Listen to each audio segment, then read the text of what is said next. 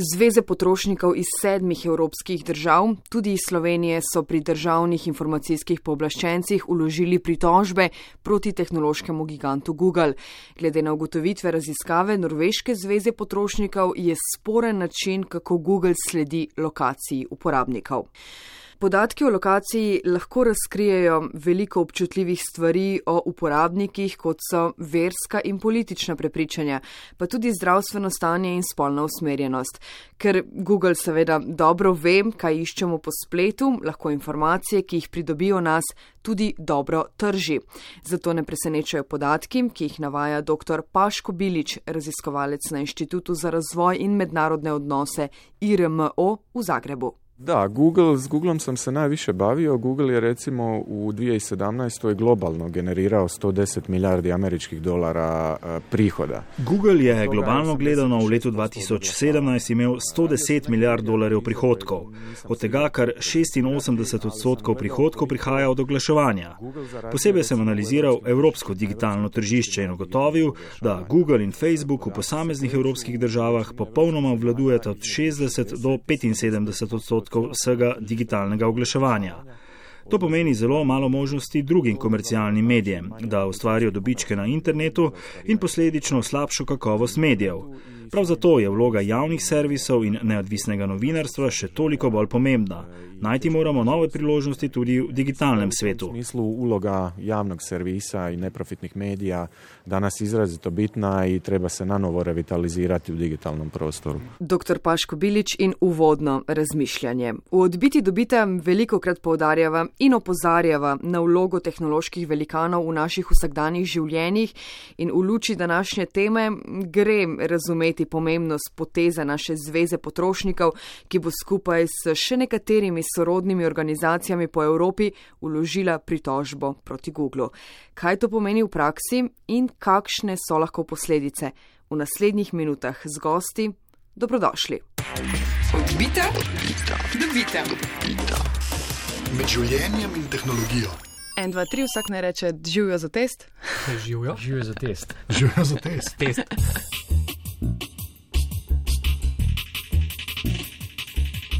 Dober dan, jaz sem Maruša Kered, z mano je Anže Tomič. Živijo, Maruša. Dober dan tudi gostoma, Lenart Jekučič, kolega novinar in opazovalec in poznavalec tehnologij. Živijo. In uh, Matjaš Jakin iz pravne pisarne Zveze potrošnikov Slovenije. Zdravo.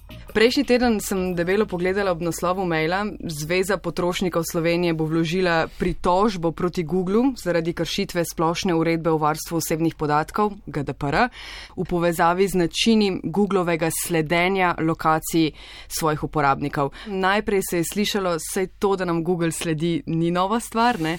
potem se mi je tožba um, zdela pogumna zamisel. Matjaš Jakin, uh, ste s partnerskimi organizacijami dlje časa pripravljali vse skupaj, sodelovali, kako je prišlo do te tožbe, kaj je bila pika na i? Tukaj je dejansko prišlo do ene napake, za, za nekaj časa je pisal tožba, dejansko gre samo za pritožbo. Uh -huh. Se pravi, mi nismo lagali tožbe, niti jo niso te druge organizacije, uh, Dino nemška organizacija se še odloča, ajo bo. Ne. Skratka, tukaj gre za pritožbe na te državne nadzorne organe za varstvo osebnih podatkov, pri nas je to pač informacijski poblaščenc. Um, Mi sicer se s tem nismo aktivno ukvarjali, to, to raziskavo so naredili Norvežani, oni so zelo močni na tem področju, um, sploh se zelo ukvarjajo s tem digitalnim razvojem in s pametnimi igračami in vsem, kar prahaja zdaj. Ne? Imajo zelo sposobno ekipo um, in so naredili to raziskavo, ki mislim, da je bila zelo draga, kakšen milijon evrov, neki tazga so vse skupaj dal, kar je za nas nepredstavljivo. Ne? Skratka, to so oni potem delili z nami, zato ker smo združeni v, v organizaciji BELK, to je Evropska potrošniška organizacija. Um, in v okviru te organizacije imamo tudi razne podskupine, delovne skupine in um, to je en tak, ena taka skupna akcija, no, ker, ker je zelo pomembna, sploh vse, kaj se še bo dogajalo v prihodnosti in smo pa čez veseljem tle zraven pristopili, tako kot še sedem drugih organizacij ali osem. Um, in smo v bistvu to poročilo njihovo prevzeli, pritožbo um, in smo pač to vložili pri našem uh, informacijskem poblaščencu. Ker je Google tako globalno podjetje, ne? Ni nekih razlik med državami. Pač potem se lahko aplicira tudi v Sloveniji. Ja, zdaj oni so tudi to, v bistvu razumejo to, ne, da delajo v angleščini potem take stvari, zato da lahko delijo z vsemi, kar je ne, ne bo treba, ampak oni so pač to naredili. Um, ja, načeloma Google dela posod isto. Sicer vse vlagajo tudi tožbe v posameznih državah glede neke specifične stvari, ampak načeloma je posod enako in ni razloga, da bi, da bi recimo v eni državi veljalo, drugi ne. Tudi Google po mojem ne ločuje. Ja. Uh, med državami, vsaj ne v Evropi na tak način. Ne, da bi, tako da ja, dejansko velja za vse, vsi imamo te iste funkcije, tako da tukaj ni nobenih v bistvu razlikno. No, se to, jaz to izpostavljam samo zato, ker se mi zdi, da vsakeč, ko slišimo za, nek, za neko slabo potezo teh internetnih gigantov, ki se zgodi v neki državi, vsi mislijo, da pri njih, v resnici pa ja, vpliva na vse, ne, ker smo vsi za njih enak potrošnik. Točno to, se bom kar navezala. Lenart, spomnim se najnega zadnjega intervjuja, ko se je zgodila Cambridge Analytica, smo vsi skočili v zrak. Um, Mi dva sva se pogovarjala o tem, da um, dogajanje niti ne preseneča tako zelo. Kaj pa v tem primeru um, pritožba nekaj evropskih organizacij proti Google preseneča, je smiselna? Ja, se to je rahla ironija, da se počasi začnemo sprašvati, wow, to je pa res novica, da se nekdo pritoži, da to ni čisto samoumevno postalo, kar, kar delajo ta podjetja. Ker mislim, všeč mi je ta argumentacija same pritožbe, da tukaj gre za zavajanje. Ampak konc koncev od samega začetka, recimo tehnoloških in drugih platform, lahko govorimo o takem in drugačnem zavajanju. Če začnemo že samo s tem, da ko recimo m, izbrišete datoteko na svojem računalniku, ni v resnici izbrisana, kaj šele, ko karkoli izbrišete kjerkoli na internetu, ko ni nič zares izbrisano. In tukaj so samo analogije, koliko je to mogoče prepustiti ozaveščenemu in dovolj izobraženemu potrošniku. Je ena stvar, ampak recimo, da se potrudiš in dejansko rečeš, ja, jaz pa hočem malo poskrbeti za svojo zasebnost in res izklopim vse te nastavitve, pa pa izvem, da A, tudi če sem jih izklopil, nisem s tem nič naredil in uh, B, tudi če bi se še bolj potrudil, še zmeraj v resnici ne morem nič tega izklopiti. In to je ena taka stvar, no, ki je postala en tak samoumeven standard in je posoje zanimiv, da se končno začenjamo mečken bolj pritoževati nad temi rečmi. Zdaj, uh, a je to res ta logika, pravi angliži, dead body, kar pomeni, da mora res tukaj začeti trupla na okolje hoditi, preden se neki zgane. Ne vem, Cambridge Analytica, pa tudi določene stvari na Facebooku kažejo, da je tako. Uh, jaz bi to samo pač še v kontekst GDPR-ja dal. Ker do zdaj je GDPR do večine ljudi prišel kot, joj, še enkrat se je treba prijavljati na maile ali pa odjavljati. Ne. Ampak se mi zdi pa taka pritožba, ki se je tukaj res naslonila na GDPR. Ne. Gre pa za en ta pozitiven učinek ne, za, za potrošnika oziroma za uporabnika spleta ali pa interneta. Ne. Ja, GDPR je bil narejen za, za take namene, v resnici s tem v mislih, ne tem, zato, da bomo vsi nova soglasja za maile mailing liste pridobivali. Mm. To je pač ja. bil en produkt stranski, mogoče smo ga mi tudi se slabo lotili vsi v Sloveniji. Tudi, naša organizacija tukaj bi verjetno lahko bož, na boljši način to naredila. Ne? Ampak ok. To niti ni tako bistveno. Ja, um, bistveno je, da, da bi mogli biti uporabniki, potrošniki zaščiteni pred takimi obdelavami, kot, so, kot jih počne Google pa Facebook, ker to so res masovne zbirke podatkov, ogromno količino na, vsak, na vsakem koraku nam sledijo in tukaj je v bistvu moč, bi mogla biti moč GDPR. Zdaj bo pa treba to dejansko tudi uh, uveljavljati v praksi. Uh, tukaj se potem vedno izkaže problem, sploh v Evropi, na, na vseh področjih. To usklajevanje med nadzornimi organi, eh, kje lahko kaznujejo, kje ne. Um, skratka, tukaj bomo videli, kako se bo zdaj to rešilo. Upamo, da, da se bodo vsi ti tožbeni organi nekako združili, mogoče določili nek vodilni organ, ki lahko ukrepa. Zdaj Google je prijavljen na Irskem, kot vem. Tako da tukaj imamo še veliko, kako bo zdaj to v praksi, ampak je pa en korak, ne se pravi, končno smo probali, kaj se zgodi, če, če, če tega da prav uporabimo za to, kar je bil namenjen osnovi. Bomo še o možnih posledicah. Um, stopimo en korak nazaj pred pritožbo um, in se kot uporabniki vprašamo, kaj vse Google dela na robe, kdo ali kaj so dark patterns, kakšne trike v bistvu uporablja Google za sledenje uporabnikov neko pričakovanje uporabnika, da ko tam vidi, ne, da je izklopil, oni temu rečejo, location services, ne, oziroma location history, se pravi zgodovino kje se potikaš, nekaj imaš telefon v žepu. Ne, da ko to izklopiš, nekako človek mora imeti pričakovanje, da zdaj pa Google ne ve, ki, kam ti hodiš, kdaj ti hodiš in ostalo. Ne. Potem pa zvemo, ne, zaradi tega zdaj, uh, je ta študija na norveškem in pa prej je uh, eh, AP naredil. Uh, čist res konkretno novinarsko delo. Ne. Pa zvemo, da obstaja še ena kljukica ne, v nekem meniju, skritem, bolj skriten kot ta, kjer izklopiš to sledenje lokaciji. Ne? In seveda potem Google reče: Ne, ne, vse je jasno napisano, da Če pa imaš to drugo kljukico obkljukano, ne, pa še vedno vemo, približno, kje si. Ne. Po eni strani, če verjameš njihovim PR sporočilom, ne gre za neko zelo namernost, ampak oni so čisto, čisto vse napisali. Ne. V resnici pa res, ko ti ljudem daš na voljo kljukico, izklopi sledenje moje lokaciji, pač more človek pričakovati, da se mu ne sledi več. Ne pa se to ni zgodilo. Ne. Jaz mislim, da smo tukaj še preveč obremenjeni s temi analogijami iz fizičnega sveta. Recimo, zdaj predstavljaj si, da bi električna vtičnica delovala po podobnem principu, kar pomeni, da bi ti mislil, da si izklopil elektriko ali pa tole in šel pol pač noter šart ali pa menjati varovalko in mi ugotovil, da le v drobnem tisku je pa pisalo, da čeprav ti daš tam na off, je v bistvu še zmeraj elektrika noter, zaradi tega, ker ne vem točno zakaj. Bi se po moje stvari hitro spremenile, ampak tukaj je pa stvar pač kako ne rečem, lahko si to prvošijo. No. Taka zavajanja zdaj spet, koliko je tukaj um, vem, kompleksnost vseh teh, pa da sploh ne vejo točno, kaj se tudi pri njih vse dogaja, dokler jih kdo ne opozori ali pa dokler ne prije do kakšnega škandala, koliko je pa to nalaž.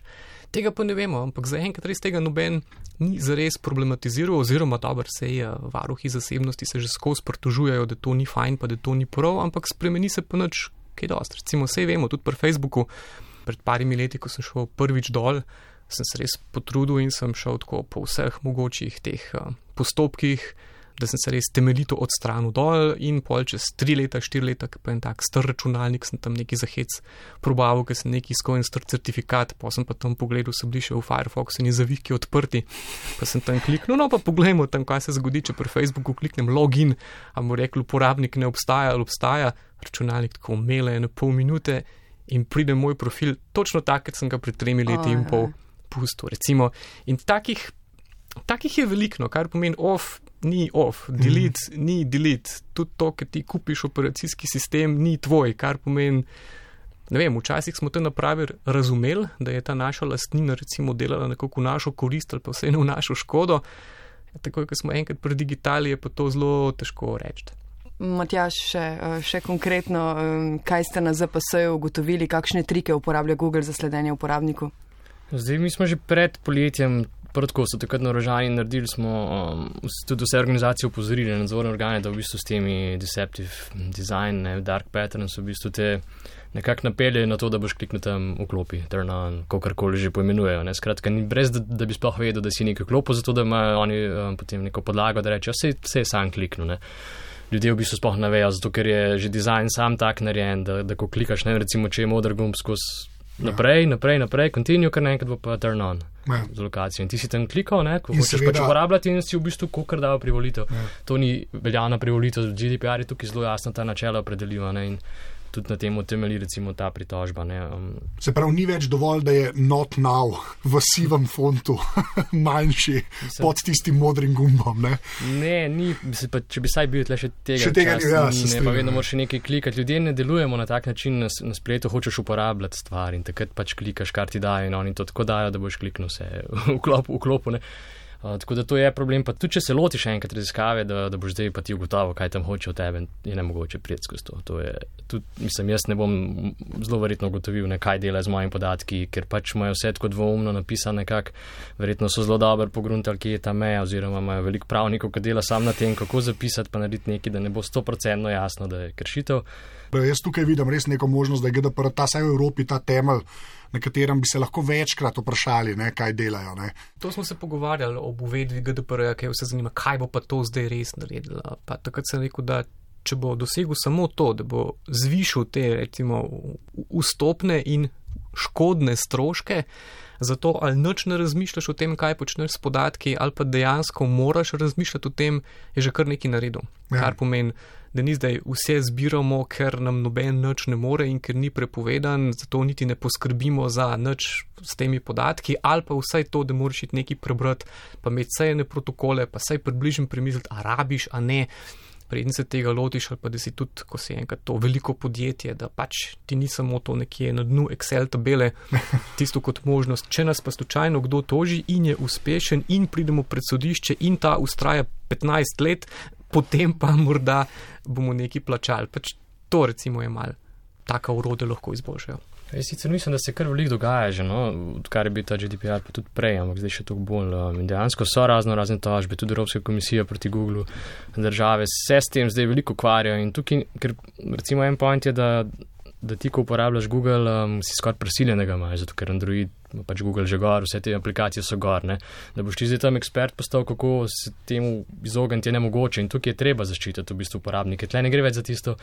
Ja, pa se kaj pa uporabljate to, ja, ker nimamo v resnici izberete prave. Ne? In tukaj, tukaj je treba v bistvu prisiliti ta, predvsem Google, Facebook, taka podjetja, da, da dajo to možnost. Skratka, jaz želim uporabljati to funkcijo, pa lahko se strinjam z določeno uporabo osebnih podatkov ne? in da bo Google Maps dobro delo, sem še čist pripravljen, da, da mi sledijo lokacije. Ampak za ta namen, ne, ne še za vseh tisoč drugih, ki so.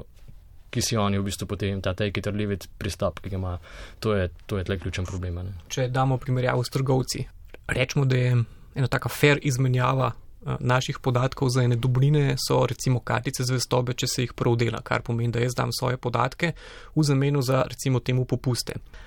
Ampak eh, stvar se pa spremeni, če imamo mi recimo vem, tri trgovce, pa da ti kar naenkrat rabiš to karto, da sploh vstopiš v trgovino ali pa sploh kupuješ. Ali pa mhm. recimo, da sploh kupuješ po normalni ceni, kar pomeni, da bi ti pa naenkrat nekdo rekel, če pa greš v enega od teh treh velikih trgovcev, brez, dobro, s kartico zvestobe dobiš popuste, brez kartice zvestobe pa plačaš trikrat dražje.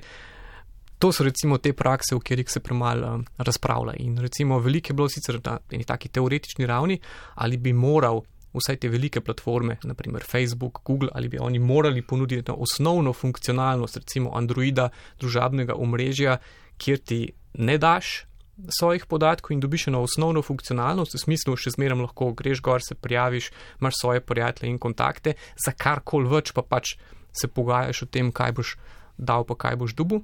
Ampak to pač ne obstaja. Ja. Zaenkrat je tako, da če ne sprejmeš vseh pogojev uporabe, sploh ne moreš uporabljati platforme. In zdaj tudi, če, je, če so ti pogoji eh, pravno sporni, kar pomeni, ti ne dajo izbire ali pa res je to, kar je rekel eh, kolega da je to taka prisiljena izbira, ki v resnici ni izbira, proti tem se pa kot posameznik ne moreš boriti. Sploh zaradi tega, ker eh, seveda lahko rečeš, ne bom uporabljal nič od tega, ampak vsi pa vemo, mhm. da si danes na vseh mogočih koncih diskriminiran od tega, da mislim, da skoraj nobene od naših služb ne bi moglo upravljati, ja. če bi rekli, mi se pa tega ne gremo.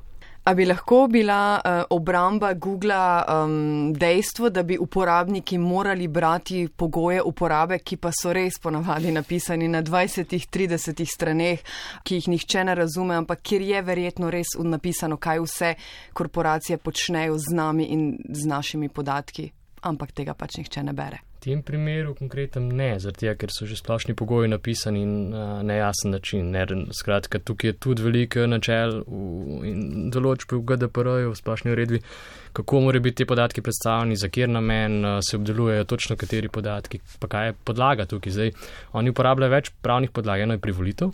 Drugo je zakoniti interes, recimo. In vsaka od teh dveh podlag ima čisto svoje pogoje, ne, da, da sta veljavni, se pravi, da je sploh obdelava na njihovi pač podlagi zakonite. Tako da Google tukaj dejansko, tudi če bi prebral vse splošne pogoje, ne bi nič več vedel, no, da tako rečem. Ja, oziroma ne bi zadost vedel, uh, za katere namene uporabljajo, pa kje je sploh naša podlaga. Zato, ker smo se tam strinjali, ali zato, ker je to njihov zakoniti interes, ki pač prevlada nad našimi in tako naprej. Skratka, oni niso dovolj jasni v tem, v obrazložitvi. Pa tudi, če vse prebereš, na koncu še zmeraj ne moreš izklopiti. Ja, sledenje. ja, Ali pa še take finte, recimo, ki sem tudi parkrat se mi že zgodil, recimo ob nadgradni operacijskega sistema. Da kar naenkrat, recimo, tako narediš uh, nadgradno, zadeva se na novo zažene in pol kar, tako, če res greš pol brskati, ugotoviš, da je pol po nadgradni kar neki funkciji spet vklopljeni. Ja. Ampak vidite, vidite še kje, tako, zdaj, ki se monstro pogovarjamo ali o Facebooku ne, ali pa o Googlu. Ne. Mislim, ali se moramo samo teh spletnih velikanov bati ali, ali je še kakšna taka grožnja, čistko. O čem bomo še govorili, ja, v biti dobite v prihodnjih letih? Zato, da vemo, o čem bomo še snimala. Ko rekel internet stvari, pametne naprave, pametne igrače, tukaj um, tukaj bo v bistvu v prihodnosti verjetno največ težav, ker to je podobno kot Google, skratka, vse, kar delaš doma, vse, kar rečeš, se lahko snema, um, nekdo ima vse te podatke, lahko komunicira, lahko tudi pride do hudih zlorab. Um, tako da tukaj bo po moje tako področje, no, ki ga bo treba nujno um, se zavedati, ker bo vedno več stvari povezanih z internetom, ki se nam danes pač logično toaster vklopamo elektriko, pa je to to, zakaj bi ga rabo imeti povezanega z internetom, ampak vse to bo šlo prej. Se bo našla uporaba. no, in tudi recimo, to je bila ful zanimiva raziskava v Norvežanu, spet se za to igračo Kejla, kaj je že bila, mislim, da kako je v bistvu lahko shekati bilo, ne se pravi, da odred. Uh, ni imela nobene zaščite. Proizvajalci, ki izdelujejo te naprave, ne mislijo na, na zaščito, na varnost in tukaj je v bistvu zelo lahko potem zlorabiti to. Ne. Pa pa tvoj pametni hladilnik, poleg tega, da ti išče recepte v prostem času, še ne vem kaj, rudar, bitcoin ali pa napada jedrske centrale. Recimo, to, to so stvari, ki so tehnično popolnoma realne postale. Zdaj smo imeli primer, to ne vem, če veste, na YouTubu ne, se od, odvija epski boj med naj, največjim YouTuberjem, PewDiePieom in pa eno indijsko stranjo, ne, ki ima tudi svoj kanal za število naročnikov, ne, ker PewDiePie, mislim, da zadnjih šest let največji, zdaj pa ta T-series, ki je indijski, ga bo prehitev. Ne. Uh, in zdaj imam PewDiePie že en mesec, čisto šali, ne, prosim, dajte se naročiti na moj kanal, da me ne bojo prehiteli. Zdaj en hacker, mislim, da je hacker že žirafa, nekaj tasga na Twitterju. Mislim, da je zlorabil 50 tisoč printerjev, ki so bili nezaščiteni, ne, seveda. In so te printerji začeli ven metati list papirja, kao naročite se na PewDiePie. pa je na Twitterju napisal, da je bilo, da je najdel v bistvu 200 tisoč, ne printerjev, ki so nezaščiteni, ampak jih sam 50 tisoč zlorabo. Pa je ta je bil zelo dobro nameren, pa da, ta zadnja stvar na tem listu, ki so ga te printerji ven vrgli, je bilo, uh, da te printer ima ste nezaščiten, da te ki naresne. Tempo za 2019 in naprej. Um, če potegnemo črto, zaradi vsega, kar ste našteli, uporabniki dejansko nismo seznanjeni z obsegom zbiranja in uporabe osebnih podatkov in predvsem nimamo izbire, ali podatke o lokaciji želimo deliti ali ne kaj lahko ZPS doseže ali partnerske organizacije ali uporabnik, um, koliko časa bo vse skupaj trajalo, kakšne bodo posledice te pritožbe. Dejansko ne moramo tle vedeti, zato, ker je to prvič, da je do take množične akcije prišlo, tako da upamo, da bojo, da bojo odločali, ne, se prav konkretno, da Google mora prenehati s temi praksami, um, čistko mogoče naložili tudi kazen, ker GDPR tudi predvideva dosti visoke kazni za te namene. Ne. Tako da to je cilj zdaj a bo ratela ali ne, pa koliko časa bo trajalo, ne moramo že uvedeti, ampak uh, zaenkrat smo probali, tako da um, prvi korak je narejen. Lenar, tvoje mnenje? Ja, jaz sem tudi navdušen nad vašimi norveškimi kolegi, recimo že tista da je lansko leto, ko so imeli nekaj dnevni performance, ki so brali pogoje uporabe vseh teh glavnih spletnih storitev in tisto je bilo super, ker so tako par dni pa imeli tako en meter naprintanega materijala in so se tako izmenjavali in so pol brali in seveda so priznali, da tudi mi, pač kot hudi profi, pojme nimamo, kva smo točno sprejeli. Mislim, ena stvar, ki jo jaz tukaj vidim, je res tono, da pač če smo nekje do pred 20 leti približno vedeli, kaj počnejo naprave, ki jih spuščamo v našo okolje, pa saj v principu vedeli, kako delujemo. Recimo, sej, avta pač ne znaš popraviti. Ampak veš načeloma, da štiri kolesa, pa volan, pa motor je v bistvu vse, kar, kar je tukaj. In pač dodatno plačuješ za kakšne funkcionalnosti, pa za moč, pa za kitajsko, ampak ti si vedel, kako se uporablja avto, vedel si, kako se uporablja bicikl, vedel si, kako se uporablja hladilnik, pečica, pač to so bile vse take namenske naprave, ki so počele natanko to, za kar si jih kupil. Takoj, ko enkrat te stvari postanejo umrežene in preklopljene v internet stvari, se vse to spremeni. Kar pomeni, pečica ni več del ekonomije pečic, recimo kuhinjske robe in bele tehnike, ampak postane tudi del podatkovne ekonomije, ki ima pa pač svoja pravila. In ena taka stvar, ki jo tukaj recimo v konkretnih dark patternih, um, nisem šel tega čist probavati, ampak um, mislim, da so bili tukaj Google Maps ena od glavnih problemov, zaradi tega, ker v trenutku, ko si jih prvič uporabil in se strinjal s pogoji uporabe, so te za vse večne čase imeli pravico slediti. Um, pač obstajajo tudi alternative, za kjer je treba plačati 20 ali pa 30 evrov, pa so glih tako dobre, pa pač tega ne počnejo. Tako da morda je treba tudi o tem razmišljati, da če pa kaj plačaš na mest, da dobiš za ston, na videzno za ston, pa s tem tudi narediš kakšen korak proti varnosti. Ja. In tudi ovrednotiš svojo zasebnost na 20, 30, 50 evrov na mest. Ja, tudi uh, Android ima alternativo, ne? načeloma, saj če je verjeti Apple malo manj počne z našimi podatki. Ne, ampak, eh, to, ker pač zasluže z prodajo izdelka. Točno, no, to pa hvala za, za dokončanje misli. ampak ja. Pa tukaj gre samo za. Zakonito, se pravi, zakonito, pravimo, da ni, ampak recimo za, za uporabo osebnih podatkov, ki, ki naj bi bila zakonita. Ne? Kaj šele vse, kar ni tam napisano, oziroma če pride do kraje podatkov, do zlorabne. Tukaj Ja. je pa čisto no, drug, drugo polje, ki sploh ni v tej pritožbi zajeto in obravnavano. Ne.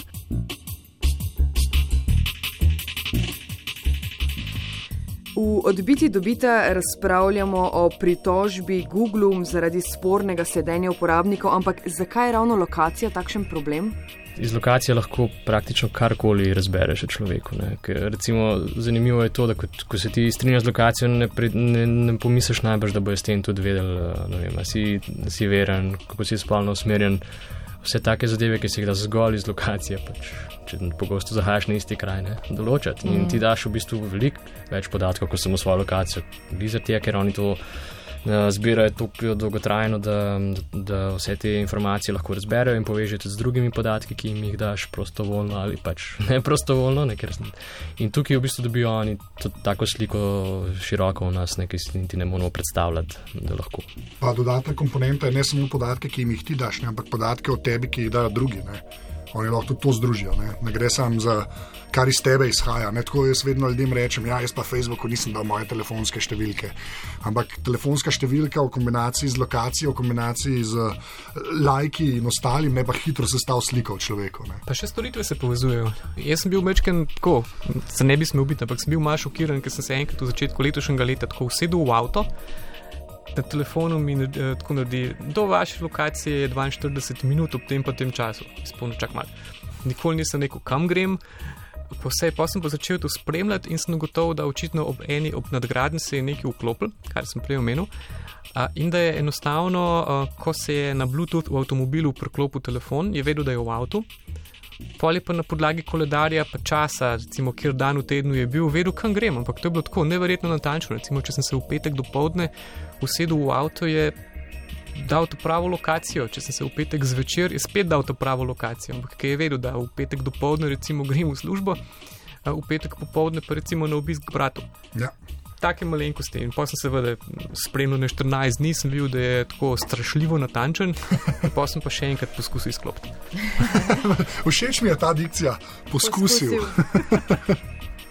Zdaj veste, zakaj je samo lokacija tako zelo velik eh, problem. Matjaš Jakin in um, Lenart Jakučič, hvala za obisk v odbiti dobita. Hvala za vilo. Odprli smo temo za razmislek, potek in morebitni razplet pritožbe bomo seveda spremljali. Če ima kdo še kakšen komentar, razmišljanje, kritiko, dobrodošlim, saj veste, kje naju in odbito najdete, anže kje. Val 202.si pošiljka odbita, pa hvala vsem tudi za ocene v iTunesih, pa skupaj smo na Twitterju, Maruša. Kje? Afna odbita. Res je. To je to, do naslednjič, hvala vama in adijo. Čau. Čau. Čau. Dobita.